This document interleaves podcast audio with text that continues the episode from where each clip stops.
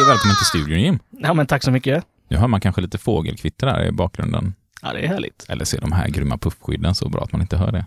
Jag tror vi ska sluta prata våra grymma ljud. Ja, de är grymma. Och det är tack vare er lyssnare som har bidragit med eh, lite medlemskap och swishpengar och sådär. Ja, det tackar vi jätte, jättemycket för och det är skitkul att så många faktiskt har velat gå med. Och det kommer att gå till intervjuer, till resor, lite sådär. Inga roliga resor, utan... Eller det kanske det blir roliga resor. Nu lät det ju väldigt nedvärderande mot om vi ska åka och intervjua liksom. Vi börjar om från början här. Det, det kommer gå till bra verksamhet för podden så att ni kommer få en förhoppningsvis ännu bättre podd att lyssna på. Hur gör man nu för att bli medlem, Jim? Man eh, swishar till eh, vårat swishnummer och så skriver man bli medlem och sitt namn. Och swishnumret är 123 09 08 426. Ja. Och då har vi lovat att vi skulle komma med en eh, ny liten minnesregel. Ska vi säga att det är du som har lovat den här Ja. minnesregeln? Och det är lite sommarfeeling, det är semestertider nu, folk börjar gå in i det här lilla sådär, eh, ja men det är, det och så kanske man inte kan resa utomlands i år. För coronan och allt det. Vi- Vissa gör det. Och då tänker jag, Spanien, det är lite sommarfeeling, eller vad säger du? Spanien känns ju rätt mycket sommar, ja. Så här kommer minnesregel tema Spanien på hur man ska komma ihåg det numret. Och då börjar vi med ettan. Och det blir A, bokstaven A i alfabetet. Det kommer vara temat att varje siffra blir en bokstav. Så avancerat har du valt att göra det. Och det är det. Andalusien som ska in på den första. Tänker man på Andalusien i Spanien så kommer man ihåg det. Sen har vi tvåan. Är det här också en stad nu i Spanien? Nej, vad var det vi hade på tvåan här? Det är så jävla dåligt att man inte Har du kommer ihåg slarvat sina bort det här redan? minnesregler. Eh. Men vi får hitta på någonting bara. Det är B ska jag säga. Bilbao. Om du nu vill jobba med bokstäver. Ja, Bilbao. Ja. Bilbao kan vi ha på B. C.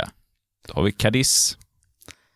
ja, den stora kända staden. Men det, det, det går många båtar därifrån och grejer. Ja, okej. ja. Sen har vi noll som inte är någon bokstav, så det är bara att tänka nolla. Sen kommer vi på nian. ES. Är inte O noll också eller? Det borde kunna funka. Ja, men det är så, det, så, Ja, så det- lirar inte vi. Nej. ES. Barea. Ja, det var smidigt. Ja, de. Baleariska öarna Ja, ja. utanför... Eh, jag tror Mallorca är en av dem, faktiskt. ja okej. Sen har vi en nolla igen, som man inte behöver komma ihåg. Sen har vi åttan då. Alltså när man swishar behöver man komma ihåg nollan. Ja, Bara så du, Ja, ja, din minnesregel här vill jag bara... ja. men då har vi en åtta sen, alltså bokstaven H. Och då har vi byn Hosta.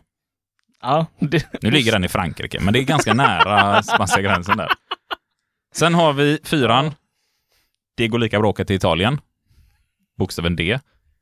Sen har vi tvåan, bilfabriken i Valencia. Och där har du varit. Ja, Det är bara att tänka på vilken... Var, var var Jim någonstans på någon sån här eh, resa och titta på en bilfabrik? Jo. Bilfabriken, i Valencia, Bilfabriken. alltså bokstaven B. Tvåa. Och sen på sexan så har vi de här goda korvarna Fouette. De här... nej, nej, eh, men det här är ju en toppenlätt minne. Kan, Det- du, kan du dra dem Är det snabbt? baskiska korvar eller vad är det? Är nog katalanska tror jag. Katalanska är de. Ja. Så, 1, 2, 3, 0, 9, 0, 8, 4, 26. Mm, och så säger du allting här nu snabbt. Mm. Din lätta Det minnesregel. gör vi. Ja. It's a big fucking deal. What the fuck are we doing out here? I ask you, what in the fuck are we doing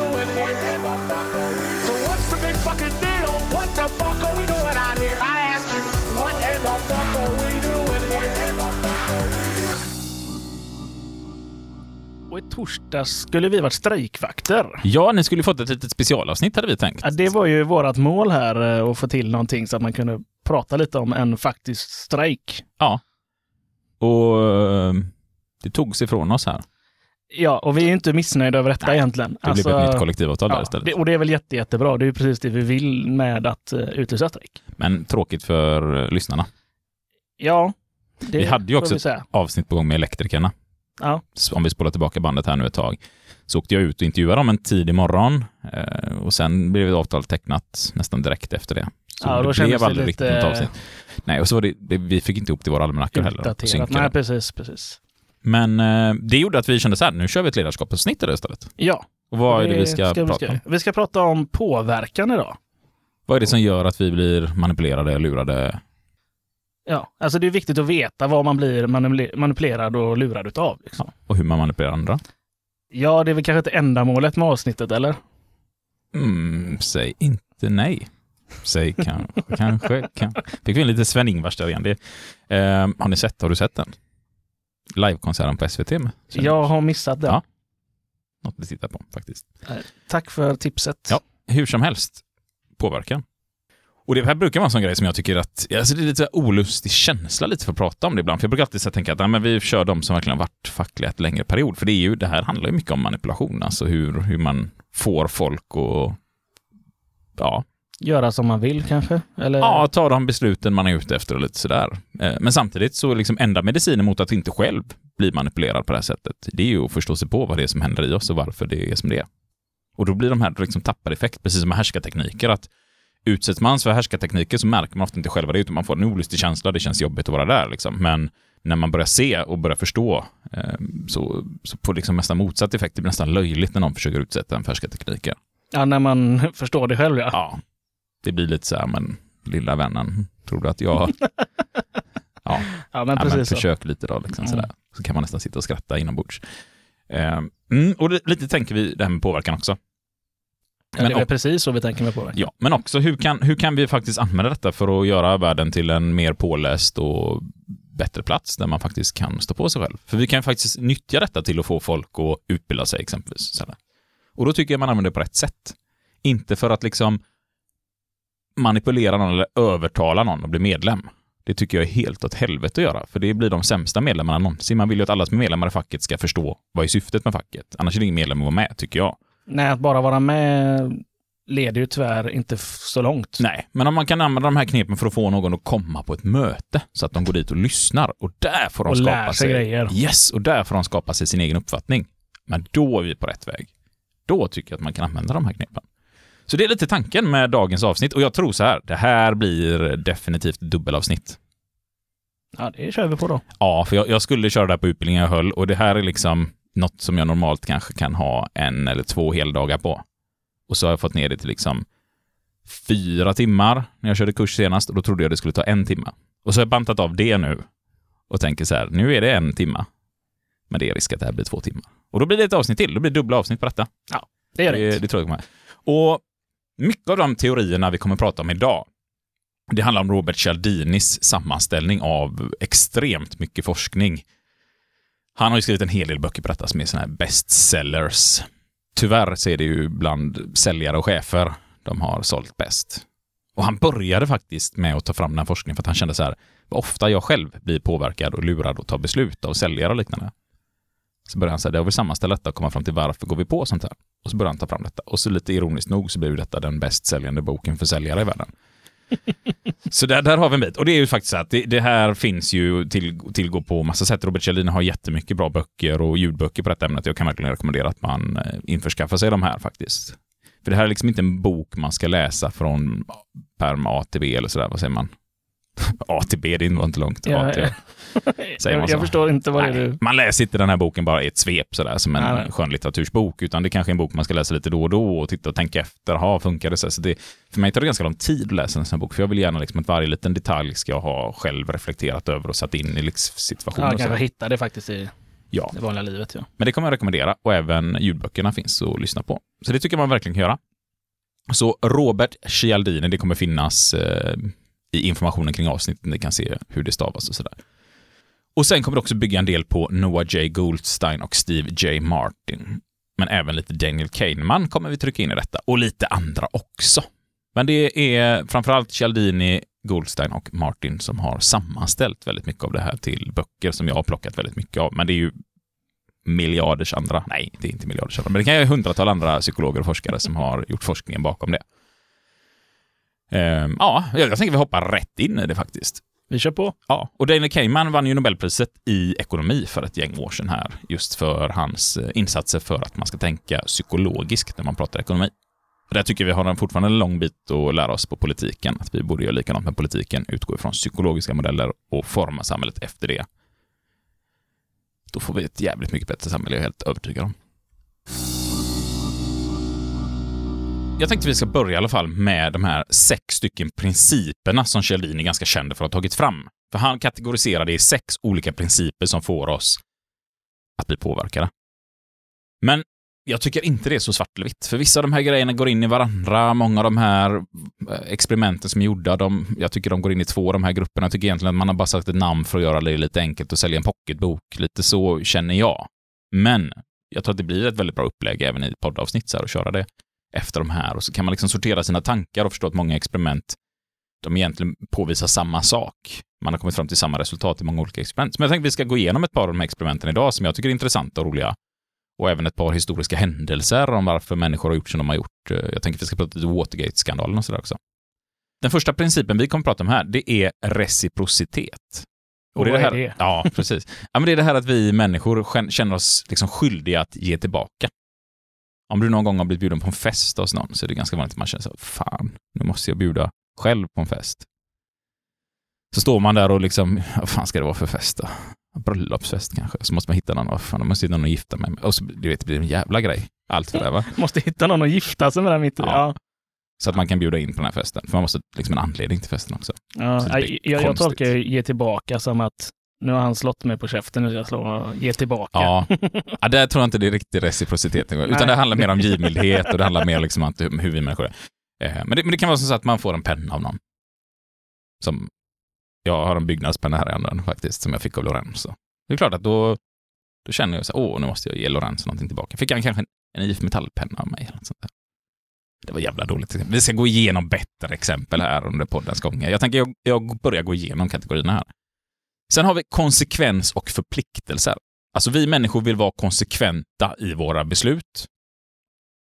Och vi känner ofta en förpliktelse med någonting vi har lovat. Så har vi sagt att vi är på ett visst sätt eller lovat att vi ska göra något, så känner vi att ja, men det här måste jag göra för att liksom fungera i våran flock. Mycket av det här går tillbaka till att vi har levt i flockar, att det är så vi socialt ska fungera för att vara, att flocken ska bli stark. Alltså det är viktigt att alla bidrar med sitt och håll, lovar man någonting till sin flock så är det viktigt att man håller detta. Exempelvis jag säger så här, men jag är brandvakt i natt och kollar så elden inte dör. Liksom. Det var ju jätteviktigt för överlevnaden att någon satt och gjorde detta eller liksom höll ögonen på farliga djur eller vad det nu kan tänkas vara. Och genetiskt är vi ju fortfarande i det stadiet. Det har inte hänt så mycket med människan de sista 10 000 åren. Liksom. Det, det går långsamt den här utvecklingen. Sen har vi konsensus och sociala bevis.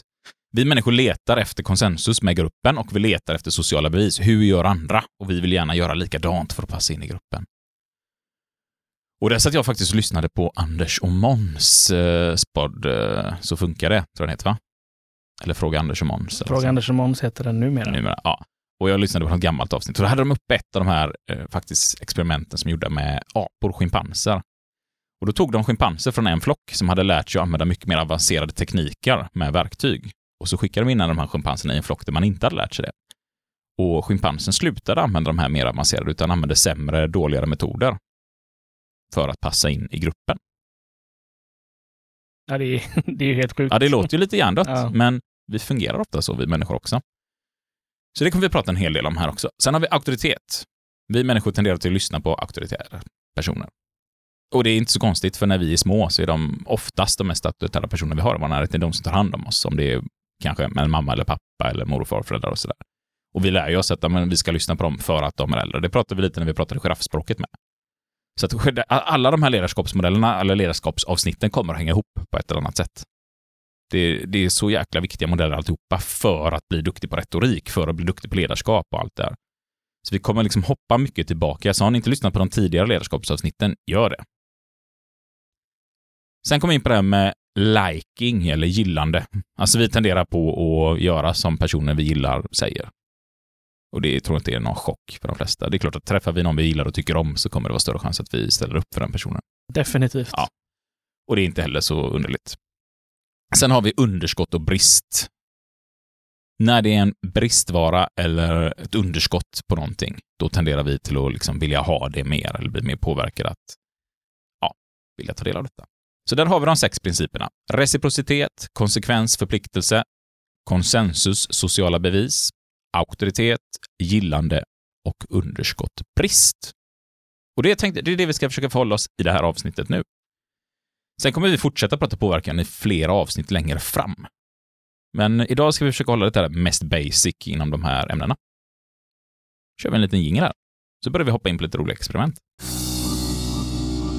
Och jag tänker att vi ska börja hoppa in på det här med nu med reciprocitet. och börja prata det. Och den franska antropologen Marcel Mauss skrev 1954 Det finns en förpliktelse att ge och en förpliktelse att ta emot och en förpliktelse att åtgärda i mänskliga kulturer. Och Marcel Mauss var antropolog. Och det kan man säga, det är läran om den mänskliga kulturen och beteendet. Eh, alltså man väger in eh, både psykologi, eh, beteende, kultur, sociologi och lite allt möjligt här i antropologin. Och han menar i alla fall på detta att ja, men människan har den här förpliktelsen. Eh, och det här har ju forskats på som bara den. Men mycket av den här forskningen vi kommer att titta på i det här avsnittet, den är gjord alltså mellan 50-talet och idag, kan man säga. Så det är ändå relativt modern forskning. Och ett av de absolut kändaste experimenten som Lynn och McCall gjorde 1998, sen finns det även tidigare experiment som Grunner gjorde 96 och sådär, eh, handlar om det här med reciprocitet. Hur kan vi, hur kan vi få människor att bidra till mer eller göra mer eller lämna mer i dricks och det här. Så nu är det för alla er hotell och restauranger här. Det här kan vara en bra grej att lyssna på. Eh, och det här experimentet som gjordes i USA ska vi ha med oss, där tyvärr hotell och restaurangpersonal i många ställen lever på dricksen.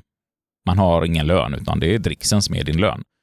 Och där är det också lite hårdare regler om att man ska, man dricksar. Det gör man liksom. Eh, Och där vill man testa, kan vi få folk att dricksa mer utan att förändra själva besöket? Liksom? Inte bättre mat, inte bättre service, utan vi ska bara göra någon liten, liten grej för att se, kan vi mäta att folk dricksar mer? Man börjar testa så här, om man ger en minttablett till kunderna efter de har käkat, vad kommer att hända då? För då har man fått någonting extra som faktiskt inte ingår i en middag. Det är ju inte överallt man får en minttablett efter restaurangbesöket. Men har du varit med om det någon gång? Ja, någon gång har jag nog fått någon eh, liten godis eller något i alla fall. För det är ett ganska känt experiment detta, så det är klart att det används. Och, och man kunde se att dricksarna ökade med 3% i snitt. Och det är ju kanske inte en fantastisk summa, men tänk att få en 3 i löneökning på en månad. Ja, det är väl kalas. Det är ju inte dåligt i alla fall. Och då tänkte man så här, ja men det är ändå, det finns ju någon logik i att få en minttablett. Så vissa kanske ändå tänker att ja, men det ingår en mint, eller det är trevligt att få en minttablett efter maten och få lite fräsch doft i munnen sådär. Så man, om vi ger två istället då? För då fattar ju vem som helst, man stoppar ju inte in två minttabletter i munnen. Tuggummi kan man trycka i sig två kanske, men minttabletter stoppar man ju sällan in två i munnen. Så de fick två minttabletter. Då ökar dricksen istället med 14 procent. Det är ju en fin månadsökning faktiskt. Det är ju en ganska rejäl ökning. Där kan vi snacka om att de har sparat in kostnaden på att köpa in det halstablettspaketet liksom. Mm, det tror jag nog. Sen vill man spacea till detta lite till då, så att eh, man gjorde som så att eh, servitören eller servitrisen fick gå fram, lämna en minttablett, sen börja gå ifrån bordet, stanna, vända, komma tillbaka. Ni som har varit så trevliga, här får ni en extra. Och så lämnar de över en minttablett till. Och då kunde man se att dricksen i snitt ökade med 23 procent. Det är ju galet faktiskt. Nu pratar vi löneökning här va? ja, precis. Tror du att du hade lämnat så mycket dricks? För en minttablett? Ja, det vet jag inte. Alltså, inte nu när man har sett detta såklart. Du har ju gjort det en gång nästan, Ja. när vi var i London du och jag. Fast det var lite mitt fel. ja, just det. Jag räknade lite fel på pund och euro och svenska kronor och sådär. Och fattade ju inte att pundet stod i 15 spänn, utan räknade på 10. Ja, Eh, och så tyckte jag att det var den sämsta maten vi hade ätit någonsin på den här restaurangen. Men så det sista vi skulle smaka på var små korvar och de var så goda. Och så kom servitören fram och var så charmig och trevlig mot oss. Så Ja, kände jag så här, precis. vi får dricksa lite i alla fall. För jag tänkte så här, vi går härifrån utan någon jävla dricks liksom. Och så var det du som skulle betala, för det var din tur att betala. mm. Så säger jag ju framför servitören, så här, men dricksa så här mycket på engelska säger jag ju till Tim också. Och servitören med ett stort leende liksom upp, upp till öronen så där, och han blev superglad. Eh, och Jim bara tittar på mig så här, och tänker, är du dum i huvudet? Men det kan du inte säga inför servitören här, så Jim fick ju pröjssätta. Då blev du på, påverkad. ja, väldigt påverkande. Ja. Nu kanske inte det hade med reciprocitet att göra, men vi kan väl komma tillbaka till den situationen där. Hur som helst, alltså, ja, men stor skillnad. Och det är det här som gör att vi känner oss skyldiga att betala tillbaka om vi står i skuld till någon. Alltså vi har lånat pengar av någon, eller man blir bjuden på fest hos någon. Det blir en form av liksom så att man ofta känner att ja, men jag vill ge tillbaka. Positivt och negativt. Ja, det står ju också på alla kvittorna i London typ att 12 procent dricks ingår. Liksom. Mm. Så man kan ju lägga till om man vill, men Som sagt, han blev glad. ja, han blev Han väldigt blev glad. glad. Det var inte den billigaste middagen vi hade där heller. Nej, definitivt inte. Så kan det gå. Hur som helst. Det här har man ju börjat fundera jättemycket på. Det är ganska Har du någonsin varit med i en sån här undersökning där man ska fylla i eh, typ en SIFO-undersökning och så får man en trisslott eller någonting efteråt som tack? Jag vet att Sebastian har med på sådana i alla fall. Han, han, han skulle vara Han, han som inte är här nu. Jag har också varit med i sådana där och det, jag vet att de gör så ibland för att man ska liksom, ja men då tänker de att, ja men då känner man sig lite skyldig så här att, ja men åh, jag får en trisslott, ja men då svarar jag liksom så här och så känner man att man får någonting tillbaka och så känns det lite lukrativt. Och det här eh, var det två stycken psykologer, James och Bolstein, som 92 började fundera på att kan vi liksom, kan, kan vi öka svarsfrekvensen på det här ännu mer, men ändå betala mindre? Så de gjorde ett experiment där de erbjöd 50 dollar i betalning efter man hade fyllt i ett sånt här dokument och skickat in. Och så mätte de svarsfrekvensen på detta. Och sen så sänkte de rejält och istället skickade med 5 dollar direkt i kuvertet. Så att när folk öppnade kuvertet så, oj, här ligger det 5 dollar. Det visade sig vara mycket mer effektivt att lägga 5 dollar i kuvertet och skicka med det, trots att vissa bara tog 5 dollar och tack för den liksom sådär va. Ehm, så att dubbelt så många svarsfrekvenser fick man in för de som fick 5 dollar direkt i kuvert. Så det var ändå fler som svarade än att fylla i den och få 50 dollar efteråt. Så det visade sig bli billigare för de här undersökningsföretagen att skicka ut det på detta sättet. Och det är för att man känner den här skulden man får. Alltså man, från ingenstans har du fått ett kuvert med 5 dollar i. Så känner du så här, oj, det här behöver jag nog liksom betala tillbaka. Och det är att spela på den här reciprociteten, att vi står i skuld när något sånt här har hänt. Hare Krishna-rörelsen är ju en rörelse som har använt detta helt enormt också. Känner du till Hare Krishna? Mm, jag har hört talas om dem lite i alla fall. Ja, jag har faktiskt varit i ett sånt eh, tempel. Jaha. Eller tempel, en eh, vegansk restaurang i Majorna. Där de har eh, lite Hare. Krishna-grejer längst in. Ja. Ehm, och vi var där med, när vi gick i gymnasiet, så var vi där på religionskunskapen. Så besökte vi där. Och så fick vi vara där och meditera och så var det en man som pratade om Hare Krishna-rörelsen där för oss. Lite sådär. Vi besökte ju flera religiösa ställen, så det var Ja. inte bara dit vi gick. Och eh, den här Krish- Krishna-rörelsen har växt ju enormt under 80 och 90-talet. Jag tror att det var en av de snabbast växande religionerna på jorden under den här tiden. Eh, och ni känner säkert igen, eh, det var vanligt med munkar som gick i orangea sådana här skrudar, eller vad säger man? Heter det skrud? Jag har ingen aning vad det heter. faktiskt. tygstycken runt omkring, Ja. insvepta tygstycken. Liksom. Och det de gjorde var, för att få pengar till eh, att växa och bli stora, det var att de stod och delade ut blommor, ofta på flygplatser och torg där det rörde sig väldigt många människor. Och man lämnade bara över en blomma till folk. Man sålde inte blommor, utan lämnade över en blomma och sa hej, den här vill jag ge dig. Och sen håller man upp en liten sån här, om du vill får du gärna bidra till våra rörelse. Och folk la ju liksom. För att man hade fått en blomma. Och det var inte så att man kunde lä- lämna tillbaka blomman. De var ju duktiga på det där liksom. Utan såg till att den är din nu. Sådär. Och helt plötsligt kände man ju skuld och skam. Ja, jag får väl lägga ett litet, lite slant där. Och det här satt Robert Cialdini på en flygplats faktiskt och, och tittade på och började anteckna att folk som tog emot de här blommorna, de kunde gå och slänga blomman i första bästa papperskorg. Alltså de ville inte ha blomman. De tyckte det var jobbigt att få en blomma. Vad ska jag lägga den här liksom? Jag vill inte ens ha den. Ändå kände man skulden att betala tillbaka. Så det är ett sätt att kunna, men det kanske vi skulle testa till podden istället för ett swishnummer liksom. Stå delat ut blommor till folk. Ja, i Nordstan eller något sånt där. du får jättegärna göra det om du känner för det. Ja, jag får se. Vi har planterat massa rabatter. Jag får se om det blir lite blommor efter sommaren. Kan jag stå dela ut dem. Eh, nej, men det, lyckades liksom växa. Och det- det här, jag gick på det här klockrent när jag var i Thailand med min fru. Först så, jag höll på att ta eh, jaktlicens då. Så jag var mitt uppe i en jaktkurs, så jag hade gått ett par veckor, skulle hem till Sverige sen, så skulle jag prova nästan direkt när jag kom hem. Så då tänkte jag jag åker bort till en skyttebana här och övningsskjuter lite också, för det finns ju lite sånt i Thailand. Och det, där blev jag ju lurad för det första, för de visar ju bilder på massa häftiga vapen och så kommer man dit, det fanns inte ett enda häftigt vapen. Eh, det var det första. Sen var det kameraförbud. Och då kommer det ju en gammal, gammal, gammal tant som ser riktigt skrupplig ut, som knappt kan röra sig och går och tar kort på sådär liksom en digital kamera. Och jag så här kände, ahaha, du, det här kommer inte jag betala för, för det var redan snuskigt dyrt att gå in på den här skyttebanan. Kommer ut och så har hon redan skrivit ut bilden och ramat in den i den fulaste tygram jag någonsin har sett. Har Och min fru var ju med. Hennes var ju rosa. Med blom, rosa militärmönstrat och mitt grönt militär. Och det var också så här, inte så jättegenus. Så här, kände man så här. Så jag blev irriterad av detta. Jag blev irriterad och sur. Tänkte vilken jävla miljöförstöring att ni har skrivit ut detta på fotopapper. Och så samtidigt så såg hon så liksom utsatt ut. Att man kände ju så här, har hon lagt sina egna pengar på att skriva ut detta på fotopapper?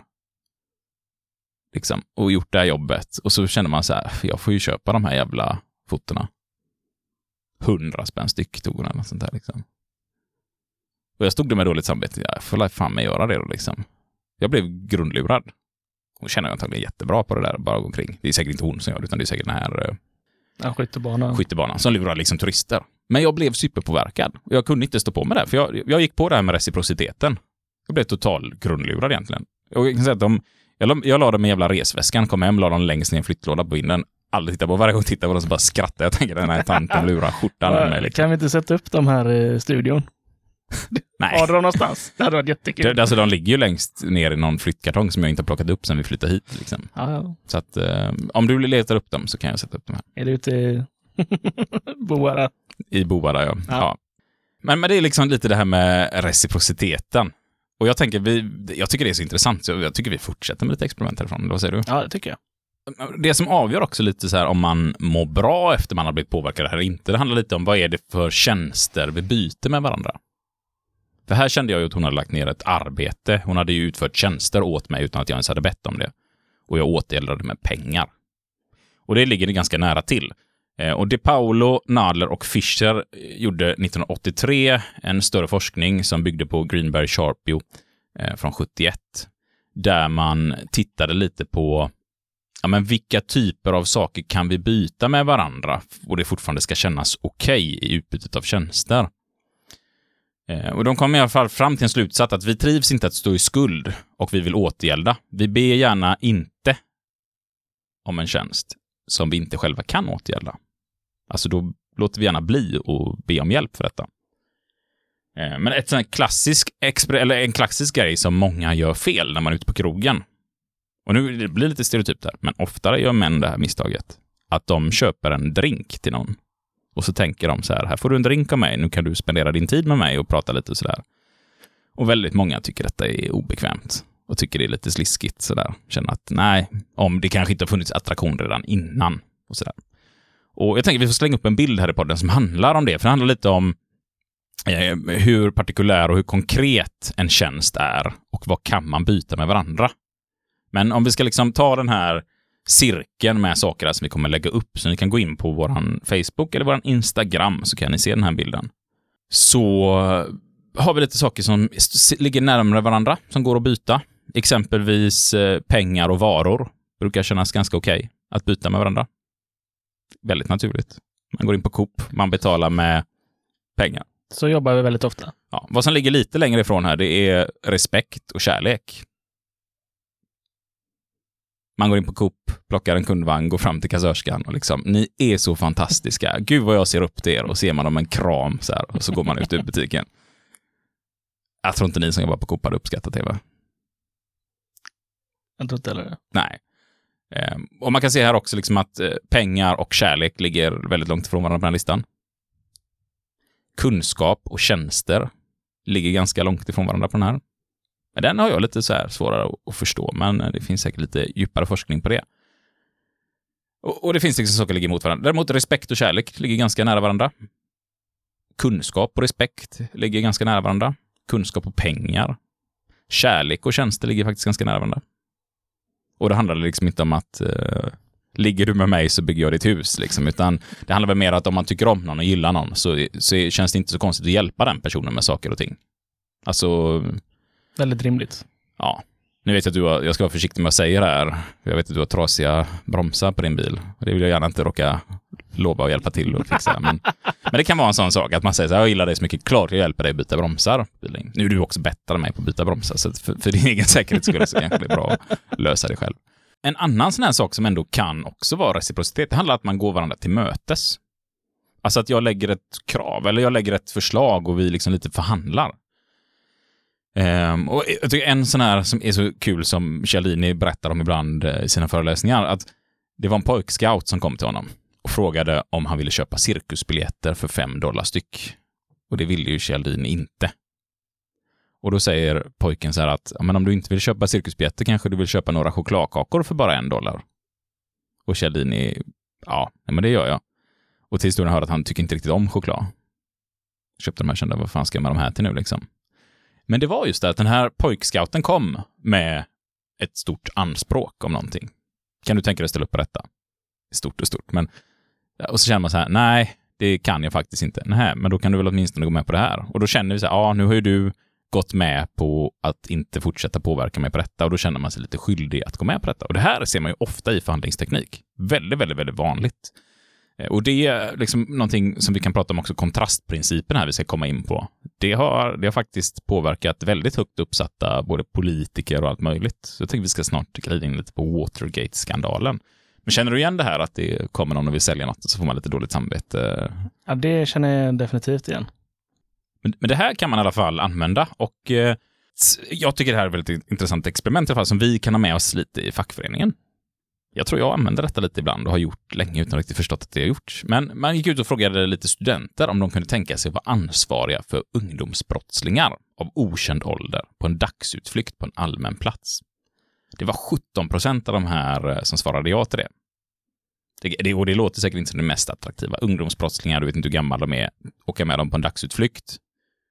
Eh, Det krävs ju ändå lite att man känner så här att men jag vill engagera mig för att gå med på detta. Och det var 17 procent som svarade ja. Jag tycker ändå det är högt 17 procent. Alltså. Ja, men jag reagerar också på det faktiskt. Tänkte att undrar om det hade varit så. Men det är klart, detta är studenter. Det kanske är på ett visst universitet där man kanske läser någonting. Det vet vi inte heller. Nej, det har ingen aning om. Man brukar skämta om det inom eh, sociologin och psykologin, att eh, amerikanska studenter är det mest eh, forskade folket i hela världen. Liksom. Sedan så lät man då ställa samma fråga till en annan grupp. Man ställer frågan så här först, kan du tänka dig att vara rådgivare åt de här människorna? Två timmar i veckan i minst två år. Och det svarade ju alla nej på i princip. Och sen fick de frågan, okej, men kan du tänka dig att åka med på en endagars utflykt på en allmän plats med de här? Och då var det 50 procent helt plötsligt som svarade ja på det. Oj, Ganska stor skillnad. ja, det är jättestor skillnad. Och det här, alltså jag, det här kan jag ju använda lite sådär när jag ska locka folk på facklig utbildning. Jag kan prata så här liksom, men ska inte du bli fackligt ombud? Och det, och det är för att jag egentligen tycker att de ska bli fackliga ombud.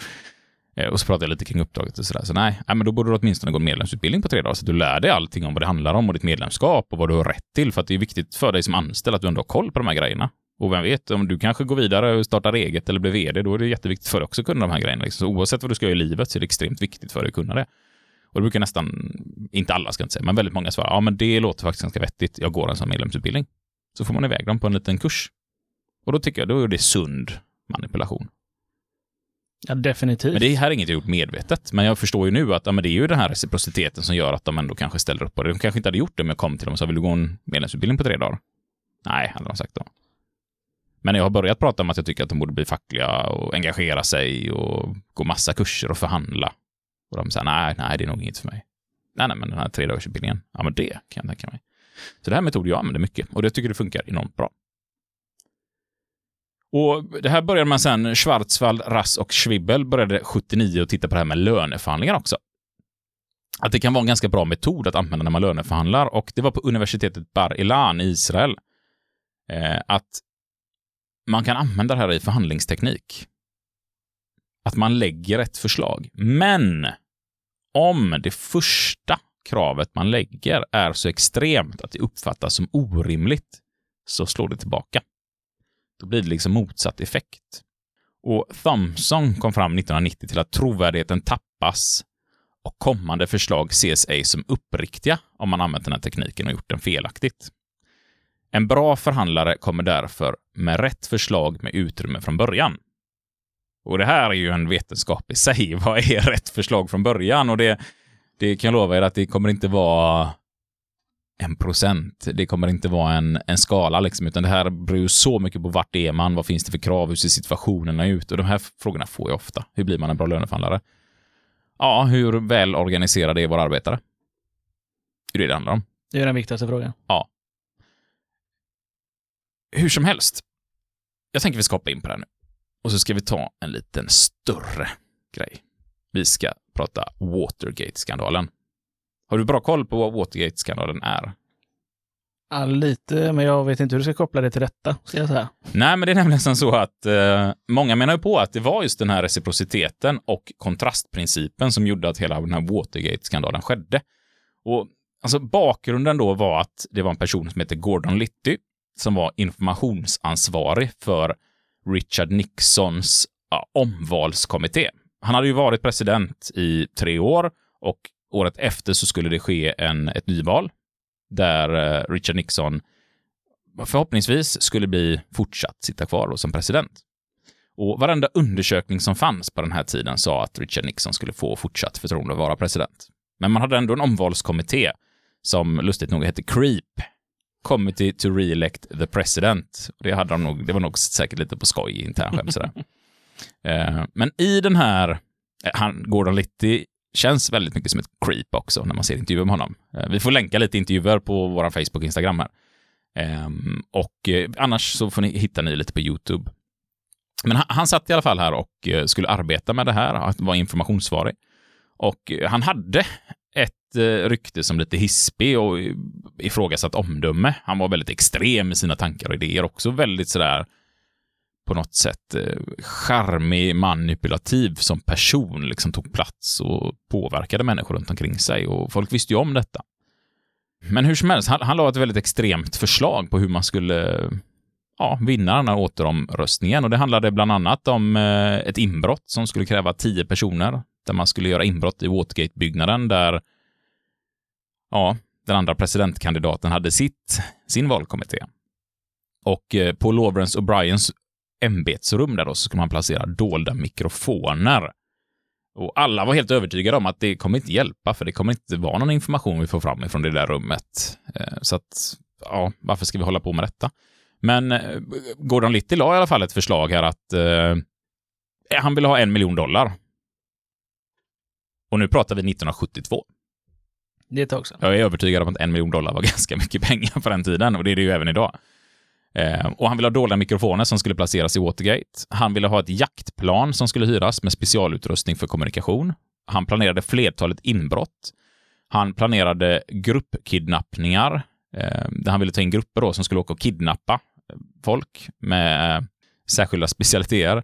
Och det skulle hyras en lyxjatt och massa, massa så kallade lyxprostituerade då, som eh, man skulle locka ut dem här på och med dolda kameror få dem att göra dumma saker man kunde sprida ut i media och använda som utpressning. Det var hans första förslag, alla. Och det röstades ju ner i den här kommittén.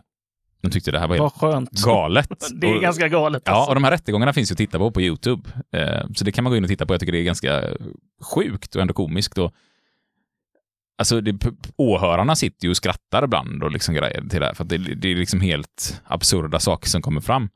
Eh, men sen la han ett nytt förslag i alla fall då. Och då skulle det bara behövas 500 000 dollar. En halv miljon dollar. Och så hade han tagit bort vissa av de här momenten. Ehm, och, det, och det röstade de också ner. Han hade kommit med flera sådana här förslag och när man tittar på de här vittnesmålen så är det en herre som heter Jeb McRuder som, som alla Watergate-forskare, för det har forskats en hel del på detta, både psykologer och lite allt möjligt. Eh, och de hävdar liksom att ja, men hans vittnesmål känns som de mest troliga och ärliga. Och han säger då så att ingen blev särskilt överväldigad av det här projektet, men jämfört med den astronomiska summan på en miljon så tyckte vi att 250 000 dollar var en rimlig summa. Vi ville ogärna skicka iväg honom tomhänt. Det kan vi klippa in lite här. Eh, om vi kan hitta något bra klipp. Få med lite så hör ni hur det låter. Uh, there were projects relating to the uh, abduction of individuals, particularly members of radical groups. Uh, we were concerned about the convention in San Diego. Mr. Liddy had a plan where the leaders would be abducted and detained in uh, a place like Mexico, and uh, that they would uh, then be returned to this country at the end of the convention. Uh, he uh, he had a uh, another plan which would have. Used uh, women as agents to uh, work with members of the Democratic National Committee and uh, at their convention and here in Washington, and uh, hopefully uh, through their efforts they would obtain information from them. Um, audience. I'm going to ask the audience from uh, to please refrain from laughter or any kind of demonstration. With regard to the use of these women as agents, uh, did this involve the use of a yacht in Miami? he envisioned uh, renting a yacht in Miami and having it uh, set up for sound and photographs. And, and what would the women be uh, doing at that time? I, I really could only uh, estimate, but Well, based on his project, as your recollection, I'm, Well- what, did- what did he indicate in this? They, they would have been, uh, uh, I think you could uh, consider them uh, uh, call girls. And although I was aware they were illegal, and I'm sure the others did, we had become somewhat inured to using some activities that would help us in accomplishing what we thought was a cause, a legitimate cause. Now, that's absolutely incorrect. Two wrongs do not make a right. Uh, for the past year, I've obviously had to consider that, and I understand completely that that is that was an absolute uh, incorrect decision. But that is basically, I think, reason why that decision was made because of that atmosphere that had occurred. And to all of us who had worked in the White House, there was that feeling of, of, of resentment and of frustration at being able to deal with issues on a legal basis. Även Mitchell sa det att han fångades av känslan av att vilja ge honom något litet. Och det var bara till slut en enda person som sa nej till det här förslaget. Och ja, men det här leder ju till slut ut till att 69 personer åtalas, 48 döms till fängelse och Nixon blir den första presidenten som fick avgå i förtid. Sen var det som så att efterträdaren Gerald Ford, han benådade Nixon, så han blev aldrig straffad för detta. Men det är ju en extrem politisk skandal liksom. Ja, definitivt. Ja. För de körde ju mikrofonerna. Precis, alltså det, de gjorde ju detta och vid inbrotten där de skulle placera mikrofonerna så blev de ju upptäckta Mm. och gripna. Kontrastprincipen. Alltså han kom med massa förslag och de här kände att, ja men herregud, nu har vi sagt nej till alla hans förslag, nu kommer han med något litet, det är väl lite mer rimligt, ja men då får han igenom det. Lite som den här pojkscouten som inte fick sålt sina cirkusbiljetter, som istället sålde de här billiga chokladkockorna. Lite annan nivå bara. Ja men precis, och då kan vi börja fundera, hur är vi själva i förhandlingar? Har vi suttit i en sån förhandling på jobbet? Där företaget lägger fram något extremt förslag, vi bara, nej men det här funkar inte. Det är, ni är helt extrema, det här går inte. Så lägger de fram ett annat förslag och så till slut till slut känns det, ja men nu la de faktiskt ett rimligt förslag efter tre gånger. Vi går med på det då. Fast det förslaget hade man kanske aldrig någonsin gått med från början inför en förhandling om det var det första förslaget som kom. Så det här används ju väldigt mycket teknik i förhandlingsrummet mot den. Och många lär ju ut detta när de lär ut förhandlingsteknik, att så här ska ni göra för att få igenom era vilja. Jag tycker det är enormt viktigt att man innan en förhandling sätter sig ner i hela klubbstyrelsen, eller de man är som förhandlar på arbetsplatsen, går igenom vad är det vi ska förhandla kring? Vad kan vi tänka oss att gå med på? Vad kan vi tänka oss att inte gå med på? Skriver ner det. För det, det är så vi kan stå emot den här påverkan. Att man skriver ner, det här är det vi kan tänka oss, vi går inte utanför det. Går man upp på en förhandling sen och så helt plötsligt inser man att ja, men nu sitter jag och tycker att det där förslaget som är värre än vad vi hade tänkt oss låter bra. Då bör man nog ajournera sig och gå ner och sätta sig och tänka lite, varför tycker vi det här låter bra helt plötsligt? Vad är det som har hänt under förhandlingen som gör att det vi tyckte var otänkbart innan vi gick upp här, nu känns rimligt? Då har vi antagligen blivit påverkade. Och då är det den här reciprociteten och kontrastprincipen som har påverkat oss. Så där tycker jag ett väldigt bra medel är ajourneringarna. Sätta sig ner innan, vad kan vi tänka oss innan? Och liksom känna att ja, men det, det här är det vi har tänkt. Ja, man har en ram i alla fall som man försöker hålla sig inom och Precis. utgå från hela tiden. Ja. Tror du att du har blivit påverkad av det här någon gång, Jim? Eh, Jag vet att det har blivit det, definitivt. Ja, det har jag också. Trots att jag även vet om detta och känner till detta. Och det är inte så sent, det var någon vecka sedan bara som jag blev påverkad av detta. Och jag hade föreläst om det någon dag innan. Och satt jag där och kände så här, "Nej, fan, jag går med på detta nu och skriver under. Så fick jag säga, nej, nej, nej, vänta lite nu Isak. Nej. Så vi fick skjuta upp protokollskrivningen, så fick vi sitta och gå igenom flera gånger igen. Hur ska vi formulera oss i protokollet för att vi ska alla känna oss nöjda? Och så efter ett par sittningar där så kände jag så här, "Ah, ja, vi går med på detta nu. Fick jag säga igen, nej, nej, nej, nej, nej, Isak, nu, nu hamnar du där igen, va? Så att, trots att vi är pålästa så kommer vi bli påverkade på detta. Men det gäller att vara vaksam och när man har förståelse för att det är så här vi blir påverkade, ja men då kan man lite mm, stå emot det. Den här kontrastprincipen, den kan vi finna i väldigt mycket affärer och butiker och allt möjligt. Och man kan även göra alltså, fysiska experiment på detta, där man kan eh, stoppa sin hand i vatten. Så tar man, ta, häll upp en eh, hink med iskallt vatten och så häller ni upp en hink med jättevarmt vatten och sen en i mitten med rumstempererat vatten. Och så stoppar ni ner en hand i det iskalla vattnet, en hand i det jättevarma vattnet. Sen flyttar ni över båda händerna till det rumstempererade efter en stund. Och då känns det helt plötsligt som att man har stoppat den iskalla handen i det jättevarma vattnet och den jättevarma i det iskalla vattnet.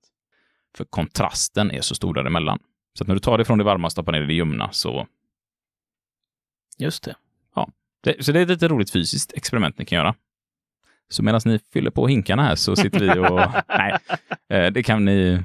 Gör det, gör det med era barn eller med någon, ett litet barn. Det är en kul grej att göra, säkert. Det ska jag prova med mina barn här sen. Så kan man låtsas som att man gör det för barnens skull, fast man gör det för sig själv. Liksom. och eh, ja, nej, men det här är vanligt och eh, man kan väl se också att, ja, men alltså bilförsäljare, det är mycket sådana här grejer där det forskat bilförsäljare alltså oärligt folk. Tror jag. Jag vet inte. Kan vara så. Man använder det här i alla fall. Man säljer en bil. Man går till bilarna. Du, du har ju köpt bil ett par gånger. Ja, det har Ja. jag gjort. Så går du dit och så liksom hittar du en modell du gillar, den här. Och så sitter man ner, ja men den kostar 290 000 kronor. Och så sitter man ner, ja. Och så när man liksom är överens om priset, så så här, ja, vill du lägga till eh, air condition? Nej, men det har alla bilar då. Men du kanske vill lägga till eh, stora navigationspaketet med skärm och grejer och lite så här. Ja, men det är klart jag vill ha det. 15 000 kronor. Och då känns 15 000 inte så mycket i förhållande till de här 290 000 som man precis har gått med på att betala. Likadant jobbar de mycket i klädaffärer. Du går in och ska köpa en ny eh, kostym. Och så har du gått med, ja, men jag köper den här kostymen för 3 eller 4 tusen spänn. Liksom. Då kommer du till kassan och så, eller det kanske inte på kassan, men kanske säljaren som säger till dig, du behöver inte ett nytt skärp till kostymen också. Det är bara 499 kronor. Och då känns ju 499 för ett skärp inte så himla farligt när man precis har lagt 4 000 på kostym. Så att säljare använder detta ofta. Man ska alltid sälja på det dyraste först. Och det finns en mängd experiment på det här. Jag tänker vi ska titta på biljardbord om en liten stund här. Så Spännande. Håll kvar den i tanken. Ja. Men först tänkte jag vi ska läsa upp ett så roligt brev som Robert Cialdini har med i en av sina böcker här. Och det är bok, boken Påverkan. Kära mor och far heter det här eh, brevet. Och det är skrivet av Sharon. Hur översätter man det namnet på svenska? Har vi någon svensk version av Sharon? Jag vet inte. Sharon. Ja. Kära mor och far. Jag har varit väldigt dålig på att skriva sedan jag började på college. Jag är ledsen för denna tanklöshet. Och för att jag inte har skrivit tidigare. Jag tänkte uppdatera er nu. Men innan ni läser vidare föreslår jag att ni sätter er ner. Ni får inte läsa vidare om ni inte sitter ner. Okej. Nåväl, det går ganska bra nu. Skallfrakturen och hjärnskakningen jag fick när jag hoppade ut ifrån sovsalens fönster i samband med en brand strax efter min ankomst har läkt ganska bra. Jag låg på sjukhus bara i två veckor. Jag ser ganska bra igen. Och nu kommer den förskräckliga huvudvärken bara en gång om dagen. Lyckligtvis upptäcktes branden och mitt hopp av en anställd på en bensinmack i närheten. Och det var han som ringde brandkåren och ambulansen. Han besökte mig på sjukhuset också. Eftersom sovsalen blev helt förstörd hade jag inte någonstans att bo, men han har varit snäll och erbjudit mig att bo i hans lägenhet. Egentligen är det bara ett källarrum, men det är faktiskt ganska mysigt. Han är en bra människa och vi är mycket förälskade. Vi planerar att gifta oss. Vi har inte bestämt datum ännu, men det kommer att bli innan graviditeten börjar synas. Jag, mor och far, jag är gravid. Jag vet att ni ser fram emot att få ett barnbarn och jag vet att ni kommer välkomna barnet och ge den lika mycket kärlek och omtanke som ni gav mig när jag var liten. Anledningen att vi väntar med att gifta oss är att min pojkvän har en liten infektion som oturligt nog blev jag också smittad av. Och det innebär att vi inte kan få blodproven till äktenskapslicensen godkända. Jag vet att ni kommer ta emot honom i familjen med öppna armar. Han saknar visserligen utbildning och han är både snäll och ambitiös. Nu när ni är uppdaterade vill jag säga att det inte har varit någon brand i sovsalen. Jag har varken hjärnskakning eller skallfraktur. Jag låg inte på sjukhus, jag är inte gravid och inte förlovad. Jag har ingen infektion och det finns ingen pojkvän. Däremot kommer jag få D i amerikansk historia och F i kemi. Och jag vill nu att ni ska se dessa betyg i rätt perspektiv. Er kärleksfulla dotter, Sharon. Det är ett ganska kul brev tycker jag. Ja, men då får man ju inte själv för dåliga betyg. Nej, precis. Nej, det är exakt. Det här borde man ju tänkt på när man själv gick i skolan. Kom hem liksom och skulle visa vad man fick i betyg. Eh, Man skulle ha haft med sig en hemsk historia innan. Ja, Um, och Kjellin skriver någonting i stil med här att eh, hon kanske inte fick så bra betyg i amerikansk historia och kemi, men i psykologi skulle hon få ett A. Liksom. ja precis. Men här använder du den här kontrastprincipen då för att liksom påverka. Några som däremot inte lyckades så bra med detta, det var ett av de amerikanska flygbolagen här som inte ska göra reklam för. Som, de brukade göra så att när de hade överbokade plan så erbjöd man ju folk att ta nästa plan. Och då fick man ofta en sån här check på typ lite pengar. Eh, ja, men du får eh, presentkort på 500 kronor liksom för att ta nästa flyg som du kan använda nästa gång du ska flyga. Så här, om du kan sitta ner i två timmar och vänta på nästa plan. Jag fattar inte hur de lyckas med överbokningar på det sättet. Det har jag aldrig varit med om när jag ska flyga någonstans. Men, men det är tydligen vanligare i inrikesflygen i USA. Eh, Men då hade man gått ut och så började man skoja med resenärerna och sa ja, nu är planet inställt och för de som kan tänka sig att ta nästa plan så får ni 10 000 dollar i ombokningsavgift. Och så skrattade alla då, för alla fattar att det, är klart man inte får 100 000 kronor liksom för det här. Det förstår vem som helst.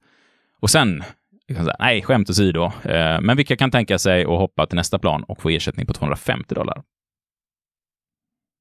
Folk bara, nej, 300 dollar. Liksom, ja men 500 dollar då liksom. Och då kunde helt plötsligt vara, ja, då, nu började det bli intressant liksom. Och det är lite så här, de brukade aldrig behöva gå upp till 500 dollar annars.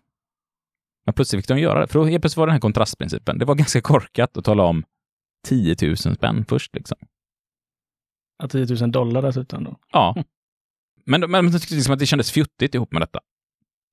Och då kan man ställa den här frågan också, som Daniel Kahneman skriver en del om. Det här har liksom inte riktigt med det här att göra, men skulle du åka en och en halv mil Jim, för att köpa ett batteri för 20 kronor istället för 170 kronor? Ja, det hade jag kunnat tänka mig. Ja, för det känns, man går inte ner till närbutiken där man bor liksom så här, och betalar 170 spänn för ett batteri där man vet att det kostar 20 spänn någon annanstans. Nej, det är 170 spänn för batteri är dyrt. Ja, då känner man sig, de tar över pris, det här Ja. Men om man däremot ska köpa en bil, så åker du till bilaffären här, liksom, som ligger precis där du bor. Bilen kostar 184 000 kronor. Mm. Skulle du istället åka någonstans där den var 150 kronor billigare än en halv mil, bara för det? För att spara in 150 spänn på det här bilköpet. Nej, det hade man ju inte gjort, så är det ju. Men det är exakt samma Ja, pengar. Det är klart det. Och det här tycker jag är så kul i Keymans forskning. Men det är klart att man tänker så, så tror jag de allra flesta hade tänkt. Men tiden du sparar eller tiden det kostar dig är ju lika mycket båda. Och antalet pengar du blir av med är lika stor oavsett vilken produkt du köper. Men det är ju den här kontrastprincipen. Det känns inte så farligt att tappa 170 spänn när man köper en bil för 184 000. Nej, Men ska man köpa ett batteri för 20 spänn så känns det ju katastrofalt att få betala liksom 150 spänn extra för det. definitivt. kontrastprincipen. Så det här kan ni fundera på lyssnare. Liksom. Har ni tagit sådana här beslut någon gång? Satt er och kört till Säffle för att köpa en bil bara för att den är 150 spänn billigare där.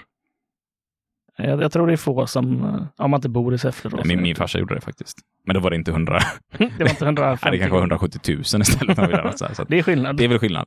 Eh, Men man ser också så här att eh, när ni ska gå in och köpa en tv någonstans så visar de er den dyraste tvn först, mellan-tvn och sen den billigaste tvn. Och det är för den här kontrastprincipen. Om vi först får se den dyraste tvn så känns det inte så farligt att lägga halva kostnaden på en mellandyr tv. Och eh, där var det faktiskt en marknadschef på det här företaget som heter Brunswick som tillverkar biljardbord och grejer. Och bowling. Nu fan, det låter som reklam här. Lägg in något pipljud där jag. Eh, Warren Kelly var det i alla fall som jobbade som marknadschef. Som testade detta på det här företaget som säljer biljardbord. Eh, där man lät en butik under en hel vecka få börja visa upp det billigaste biljardbordet oavsett vad kunden ville komma till. Och sen provade de att liksom försöka växla upp till de andra borden för att se vart stannar kunden.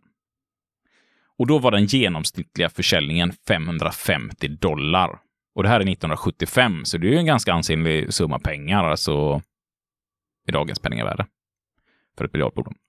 Sen provade man ju tvärtom, att man började visa upp den dyraste först. Så man började visa upp ett lyxbord som kostade 3000 dollar. Och sen gick man ner och tittade på de billigare exemplen efter det. Och då, då gick snittförsäljningen upp till 1000 dollar. Så man nästan dubblerade snittförsäljningen på att börja visa den dyraste versionen. Och det här tycker jag man upplever varenda jäkla gång man går in på någon sån här elfirma och ska köpa en ny tv exempelvis. Så går man in bara, jag har tittat på den här tvn, den tänkte jag köpa, vart har ni den liksom? Ja, börja visa den här. Man så här, fast, fast varför skulle jag vilja köpa en tv som kostar tre gånger så mycket? Och så visar de alla funktioner och sen visar de någonting emellan den du har sagt, liksom, för att visa, här har du det här. Men visst, du kan köpa den här också, den är också okej, den du har tittat på liksom. Och då känner man så ah, men kanske ska byta till den mellanklassen här då. Och det här är anledningen till nästan varje sån här internetgrej. Du kan gå med i ett abonnemang. Så finns det ofta tre saker att välja på. Stora, mellan och lilla paketet. Har du varit med om det? Nu ler du sådär. Ja, det känner jag igen. Det, känner jag, det gör ju alla såklart. Eh, men det är jättevanligt och det är skälet till att man gör det. För de är inte ute efter att man ska ta det dyraste paketet. Så ofta innehåller det bara massa jävla lullull som ingen använder och så kostar det jättemycket. Och så tänker alla så här, ah, det där är onödigt, det kostar ju asmycket och de där grejerna kommer jag aldrig använda. Men det är för att de vill att du ska välja mellanpaketet över det billiga paketet. När man i själva verket kanske hade känt att det billiga räcker gott och väl. Men plötsligt känns det, nej, jag tar väl det lite dyra paketet. Så var det för mig nu när jag skulle välja bredband. Vi har fått fiber hit nu äntligen ju. Så ska man välja det, så får man ju se det med paketen. Och säga, fast jag behöver bara det här. Och de säger, ja men du vet, ska du inte ha 1000 megabits per sekund liksom? Eh, nej. Nej, okej, men då, då har vi 500 megabits för bara det här priset. Jag bara, mm, nej. Så tog jag det jag hade tänkt från början. Sen eh, tog det tre månader, så tog de bort det alternativet, så nu får man inte ha det längre. Det var väl för många som hade valt det kanske, jag har ingen aning. Ehm, ja, kontrastprincipen. Ska vi hoppa in lite på sociala bevis istället? Det kan Jag tror, jag tror man fattar lite nu vad reciprocitet och, och kontrastprincipen innebär. Det tror jag också man förstår. Ja. Det har vi gått igenom ordentligt. Annars kommer det fler avsnitt på det här, med ännu mer experiment. Jag tycker det är så kul att prata om de här experimenten, om hur vi människor tror att vi är så smarta och intelligenta, och så är vi ganska korkade allihopa av oss faktiskt. Det känns bra på något sätt ändå.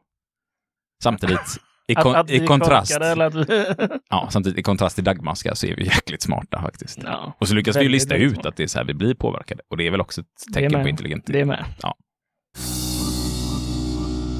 Eh, och det var gingen för att vi ska börja prata sociala bevis. Samtidigt så får vi upp en notis här i datorn vi har framför oss om att eh, Windows 10 verkar vara kodat 1730 eller något sånt där. För det kommer upp så här 22 grader, regn i analkan.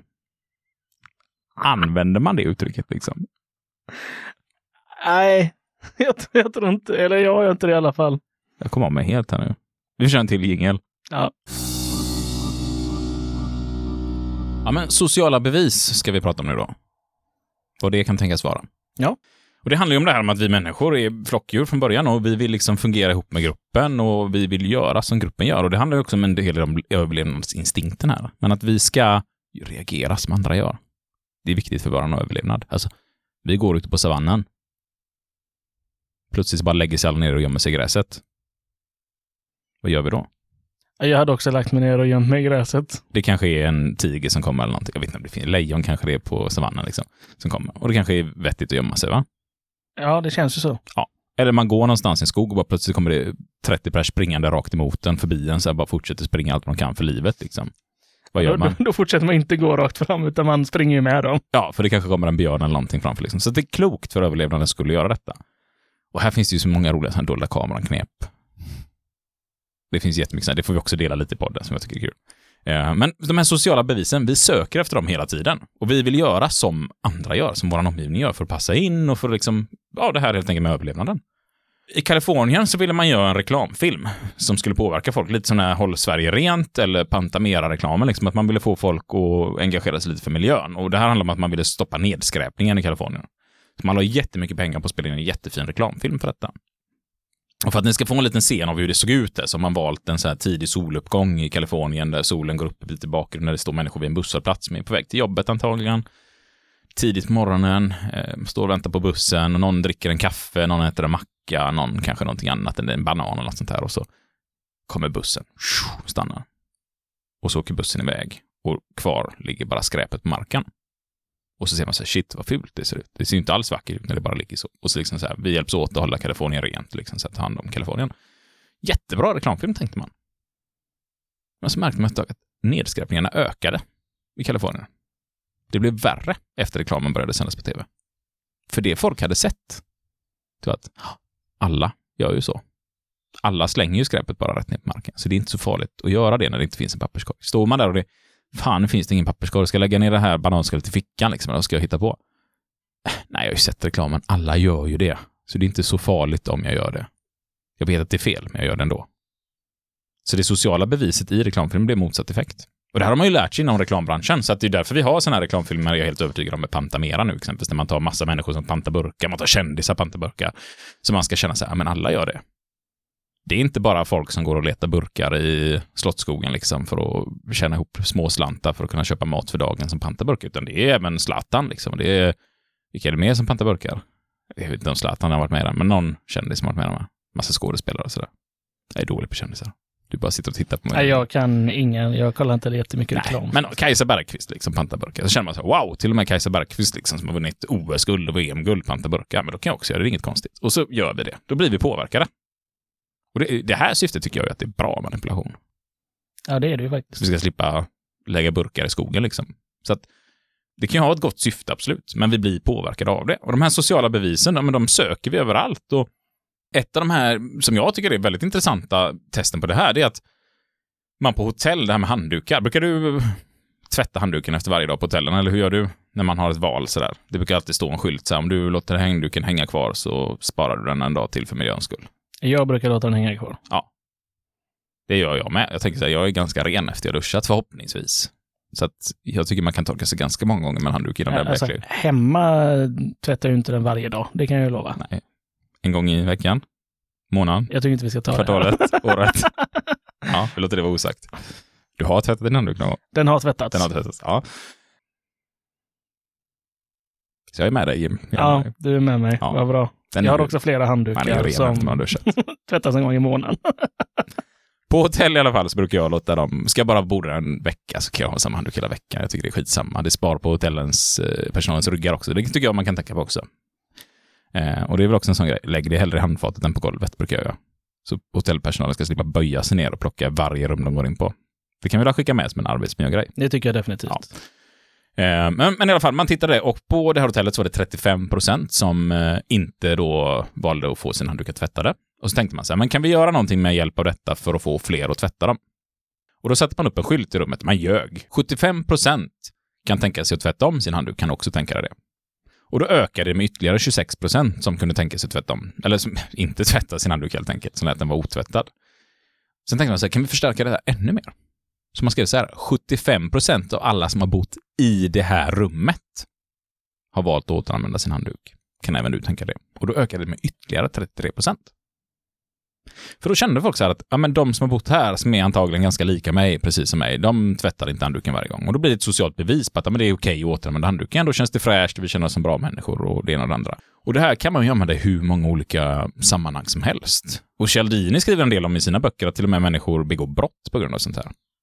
Man har naturparker i USA där det är förbjudet att ta med sig vissa grejer från naturparken för att man märker att men det försvinner. Eh, och så har man faktiskt forskat på detta och sett att det, det blir ännu fler som stjäl det när man satt upp skyltar att det är så mycket som har stulits, så gör inte det liksom. Och då börjar folk känna så här, ja men dels är det ett socialt bevis på att folk gör detta, men dels också blir det bristunderskott som vi ska prata om lite senare med. Att, aha, det här är snart en bristvara. Det är inte många som kan få tag på detta. Jag vill ha en hemma. Och så väcker det igång sig. Och människor som aldrig har stulit någonting innan i sitt liv valde att plocka med sig de här naturprodukterna från något förkolnat träslag av något slag var detta. Jag är inte superexpert på de grejerna. Men det, om du är medlem med Naturvetarna kanske du har koll på det. kan du skriva in till oss vad det är för förkolnat träd som är så häftigt.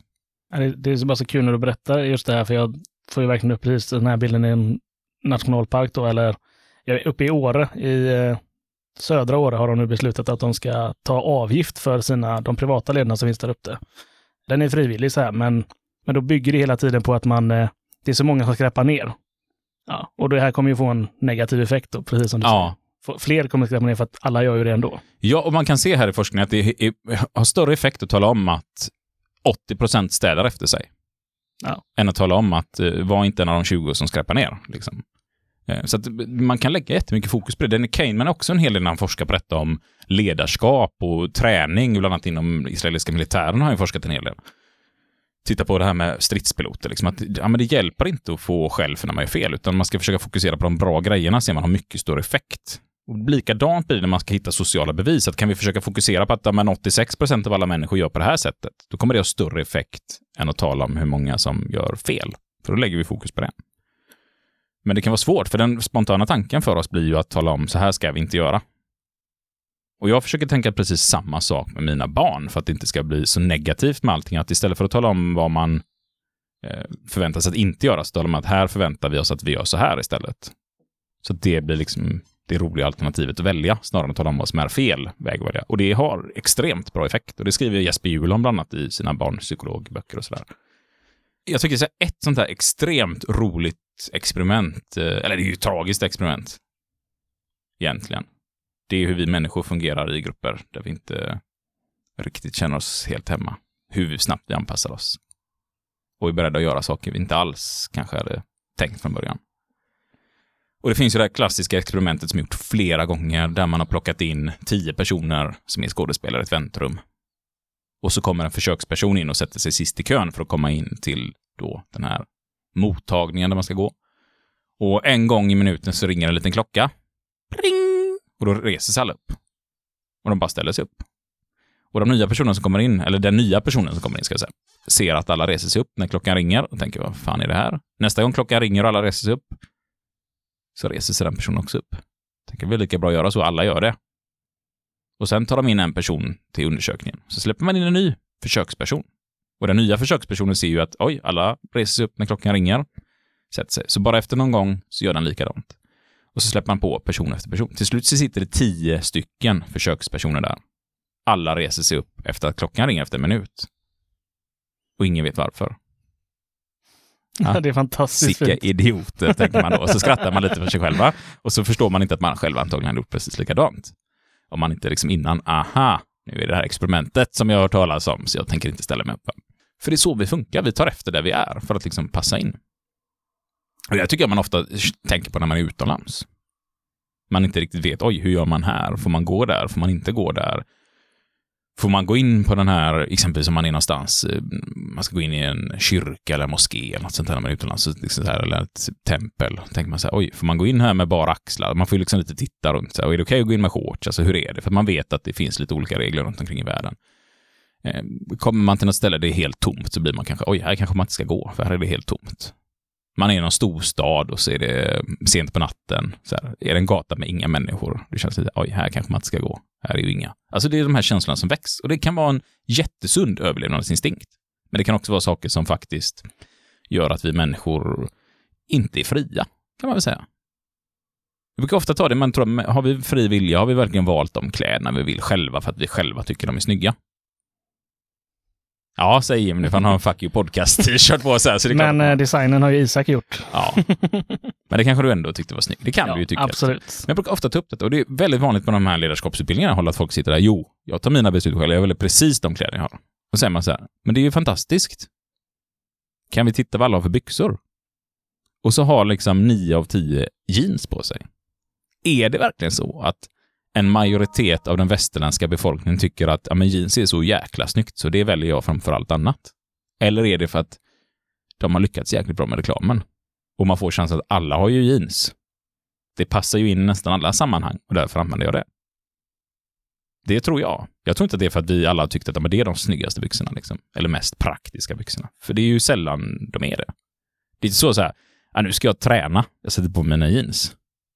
Nej, det är ovanligt. Det är ovanligt. Eller nu ska jag jobba i trädgården, jag sätter på mig mina jeans. Det kanske är vanligare, för jeans är ju arbetsbyxor från början. Liksom. Men, men du förstår principen. Nu ska jag ut och löpa ett maraton, sätter på mina jeans. Nej, Nu ska jag gå och simma, sätter på mina jeansbyxor.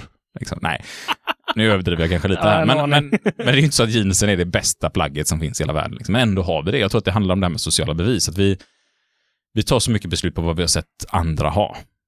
Och så tänker man, men det där passar in. Då använder jag detta. Och vi blir ganska tråkiga i vårt kanske utseende. Samtidigt är det kanske ganska effektivt. För då sticker vi inte ut med kläderna. Då kan man lägga mer tanke på vad har vi att komma med eller våran person och sådär. Så att det finns ju positivt i det också. För vi bedömer ju andra människor väldigt, väldigt snabbt. Och är det första andra ser att man ser lite tokig eller konstig ut, då kommer de bedöma det som att den här personen är lite tokig och konstig. Det är ingen idé att lyssna på vad personen har att säga. Och det behöver vi ha med oss om vi väljer att se lite annorlunda ut.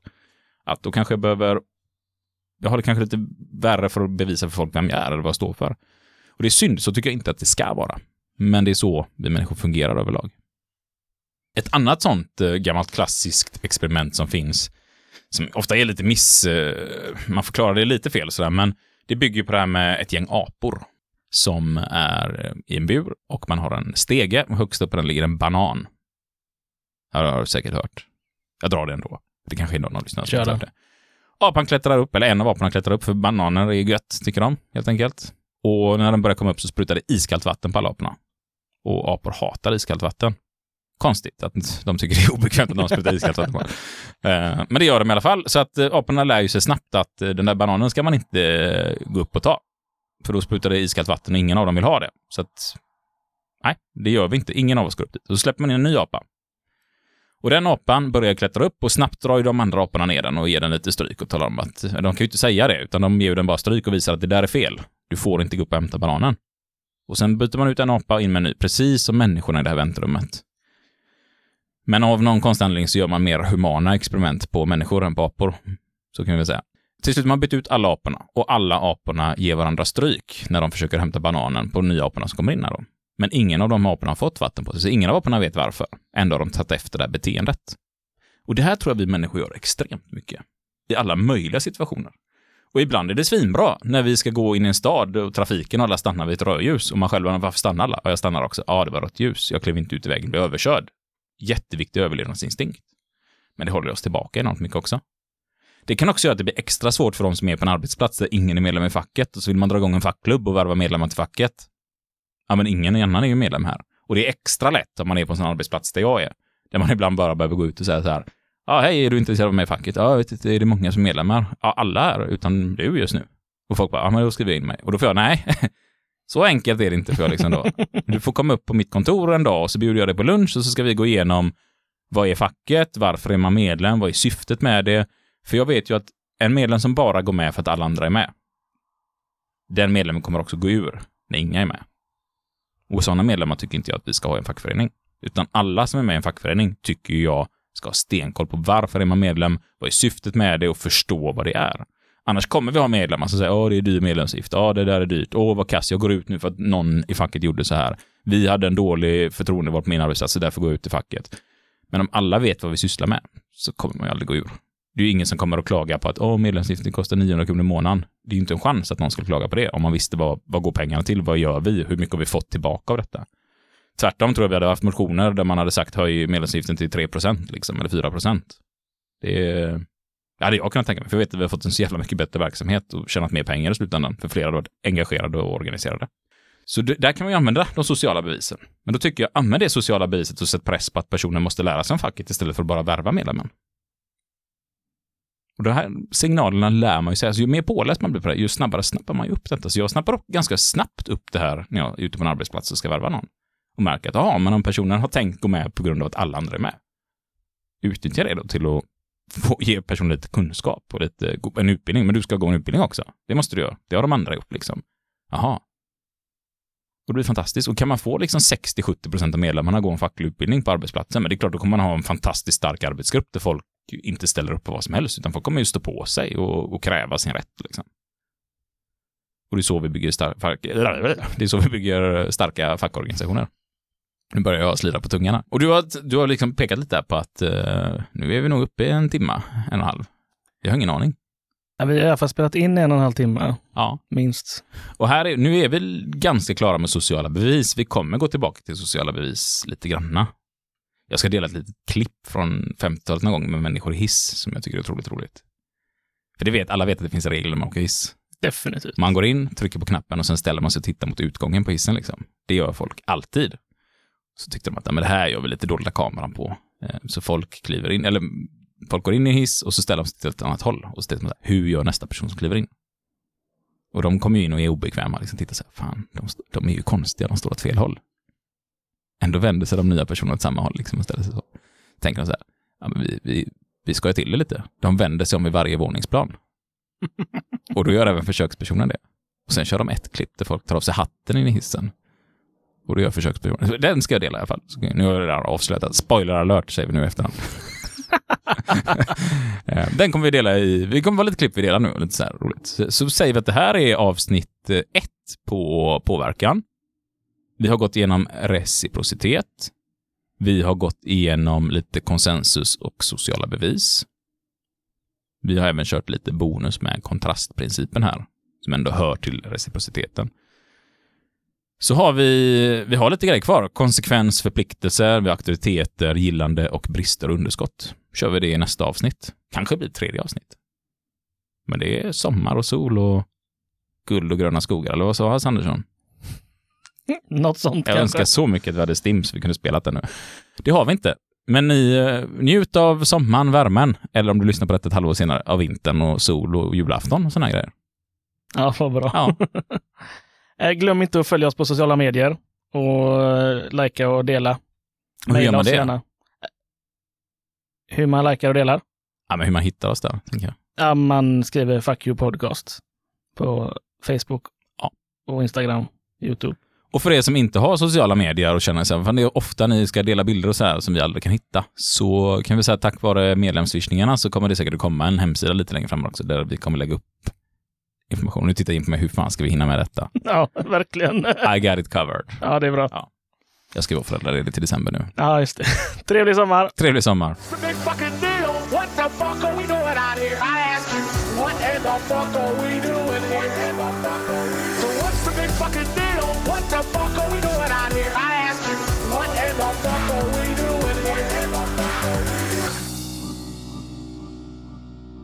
Jävla pennan jag har fått från Lorenzo på Byggnads, den har redan slutat funka. Byggnads. Om någon hör detta på Byggnads väst så får ni gärna skicka med en ny penna som funkar lite längre.